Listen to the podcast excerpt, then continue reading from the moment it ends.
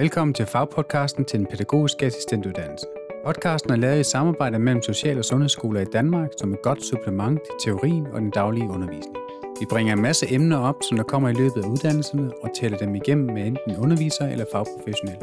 Podcasten er produceret af Videnscenter for Velfærdsteknologi.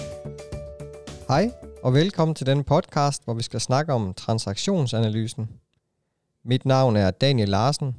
Jeg er underviser på Social- og Sundhedsskolen i Midt- og Vestjylland, og jeg har i dag fået besøg i studiet af Kirsten. Velkommen, Kirsten. Tak skal du have. Og Kirsten, vil du ikke starte med at præsentere dig selv? Jo, det vil jeg da. Jeg hedder Kirsten Schmidt, og jeg har været ansat her på Social- og Sundhedsskolen Midt- og Vestjylland siden 2014. Øh, jeg har en stilling som uddannelseskonsulent. Så har jeg en del af min stilling, hvor jeg er oplæringskoordinator for PA-elever, når de er ude i oplæring. Og så underviser jeg i kommunikation på PR-uddannelsen. Perfekt, Kirsten. Tak for det. Og i dag så skal vi jo snakke lidt om øh, transaktionsanalysen, og øh, hvad den kan bruges til i praksis. Øhm, og jeg tænker, Kirsten, at vi skal starte med at pille begrebet lidt fra hinanden. Så øhm, kan du ikke prøve at fortælle, hvad en transaktion er, og en analyse er, og hvad det så betyder, når vi putter dem sammen? Jo, den her transaktionsanalysemodel, den er udarbejdet af en amerikansk psykolog tilbage i 60'erne. Han hedder Erik Berne. Øhm, så hvis vi siger ordet transaktionsanalyse, og deler det og siger, at trans betyder imellem, og her i modellen betyder det mellem to eller flere voksne mennesker. Aktion betyder en handling, og analyse betyder undersøgelse af det, der sker. Tak for det. I øh, den her transaktionsanalyse, der beskrives øh, et begreb, der hedder jeg-tilstande. Hvad er, øh, hvad er de her jeg-tilstande? Hvad er det for noget? Transaktionsanalyse, den tager udgangspunkt i, at vi sætter hinanden i en bestemt position, når vi taler sammen. Det kalder han at positionere sig. Og han mener, at vores personlighed, den har tre lag, som han kalder jeg-tilstande. Øh, en jeg-tilstand, det er sådan en tilstand, man jeget kan være i. Så når man positionerer sig, så taler man ud fra en jeg-tilstand, og sigter mod en bestemt jeg-tilstand øh, hos den, man snakker med. Okay, så jeg skal lige for at forstå det rigtigt, så man behøver altså ikke at være forældre for at snakke for et forældre jeg, og barn for, for barne jeg, og voksen for voksen jeg, men det er sådan, det er tilstande, det er ikke der, vi er i livet. Nej, alle de her tre lag af vores personlighed, øhm, de har ingenting med alder at gøre, men de påvirker den relation, vi indgår i. Det handler lidt om, altså, hvordan er man selv blevet opdraget, hvad for nogle relationer man øh, selv har haft i sin opvækst, og hvad har vi med i vores rygsæk. Det bestemmer og præger den måde, vi taler til andre og, og, og positionerer andre på. Kan du prøve at uddybe det lidt? Hvorfor, hvorfor gør det det? Hvis nu jeg har haft en øh, meget øh, dominerende far, øh, hvorfor kan det så have indvirkningen på det her? Det kan have indvirkning på den måde, at du måske øh, selv kommer til at, at tale fra et kritisk forældre jeg, hvis du altid selv er blevet talt til en dominerende og kritisk tone. Øhm, men skal jeg rende øh, de her jeg-tilstande lige igennem, hvad det er for nogen, vi har med at gøre her? Ja, det må du meget gerne. Vi har øh, forældrejeget, og den kan man opdele i to. Den kritiske forældre og den omsorgsfulde forældre. Det kan man typisk næsten tænke som moren og faren, øhm, hvor den kritiske forælder er den, der er autoritær, sætter grænser, stiller krav, bebrejder og kritiserer, dømmer og dominerer. Hvorimod den omsorgsfulde forælder trøster og beskytter og giver omsorg og roser, hjælper og forkaler. Så er der voksenjeget. Det er der, hvor man er meget neutral, øh, indsamler information, inden man øh, taler, øh, tænker sig om, er rationel og beslutter og prioritere, øh, kan diskutere ting øh, og bevare overblikket og stille opklarende spørgsmål. Så er der barnejeget, som også er delt i to. Det tilpassede barn og det frie barn. Det tilpassede barn er den side af os, der føjer sig er lyde og hjælpsom og underdanig. Og det frie barn er mere impulsiv og spontan og, og fantasifuld og lidt egoistisk og oprørsk. Så det er sådan en, de tre jeg-tilstande pensle lidt ud. Ja. Øhm, de her øh, transaktioner, øh, de kan jo sådan foregå på øh, mange forskellige måder.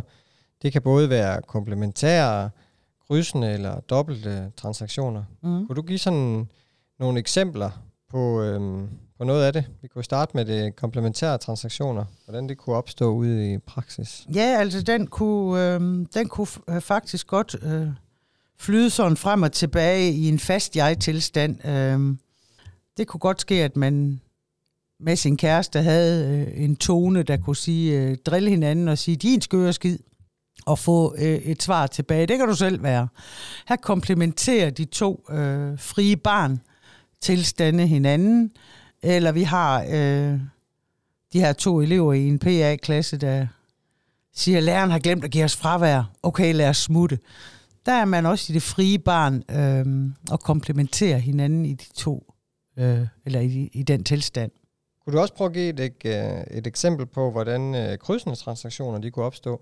Ja, en krydsende transaktion af, af jeg-tilstanden er ikke helt lagt fast, øh, så kan der opstå nogle problemer i de her øh, kommunikationssituationer, fordi her skifter de, øh, de der kommunikerer, de kan skifte undervejs i samtalen, og så kan der blive kommunikeret tilbage med forskellige jeg-tilstande. Altså, der er et eksempel med, at, at man spørger, øh, er du træt? Kan man spørge en kollega, og kollegaen kan svare tilbage, hvorfor kritiserer du mig altid? Det handler igen om, hvad er det for en øh, relation, man har til hinanden. Det kan godt være, at vedkommende, som spørger, om du er træt, taler fint ud fra voksen jeg-tilstanden, men bliver mødt af øh, en krydsende transaktion her, fordi modtageren oplever det, som om man bliver kritiseret, øh, og siger, hvorfor kritiserer du mig altid? Øhm, kan du også prøve at give et eksempel på, hvor, øh, hvornår dobbelte transaktioner de kan opstå? Ja, dobbelttransaktioner, det kan være svært at gennemskue, fordi de kan løbe på to planer med sådan et overfladeniveau og et skjult budskab nedenunder. Altså, hvor man siger en ting, men mener noget andet. Øhm, et eksempel kunne være i børnehaven, hvor den ene medarbejder siger til den anden, jeg dækker lige bord, og bliver mødt med, vi er kun otte i dag.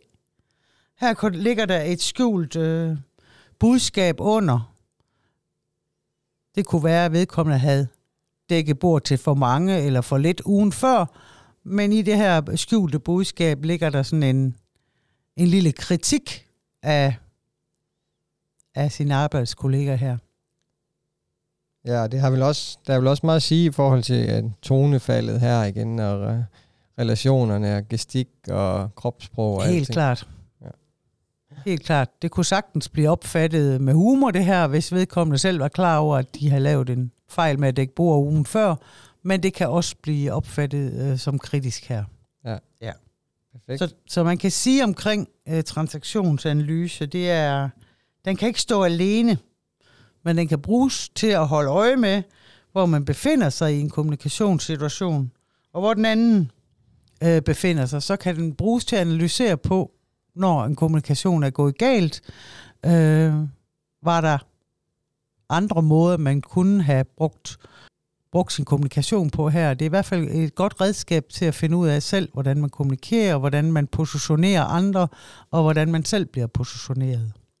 Super godt. Tak for det.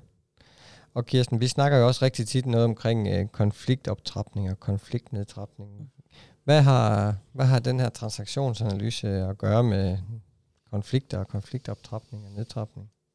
Ja, man kan jo sige, hvis man bliver mødt af et, et, øh, en vred forælder for eksempel, eller en pårørende, så er det jo en god ting i forhold til transaktionsanalysen, at kan forholde sig så neutral øh, som muligt, og ikke være konfliktoptrappende, så man skal tilsigte at blive på, på voksenjeget, kan man sige, øh, for ikke at komme til at trappe noget op. Ja, jamen øh, tusind tak for det, Kirsten, og tak fordi du gad at gøre os klogere på transaktionsanalysen. Selv tak. Tak fordi du lyttede med på denne podcast. Husk at trykke like og anmelde podcastserien alle de steder, hvor du kan. Abonner gerne på den, så du får besked, når der kommer nye emner. Vi ses næste gang.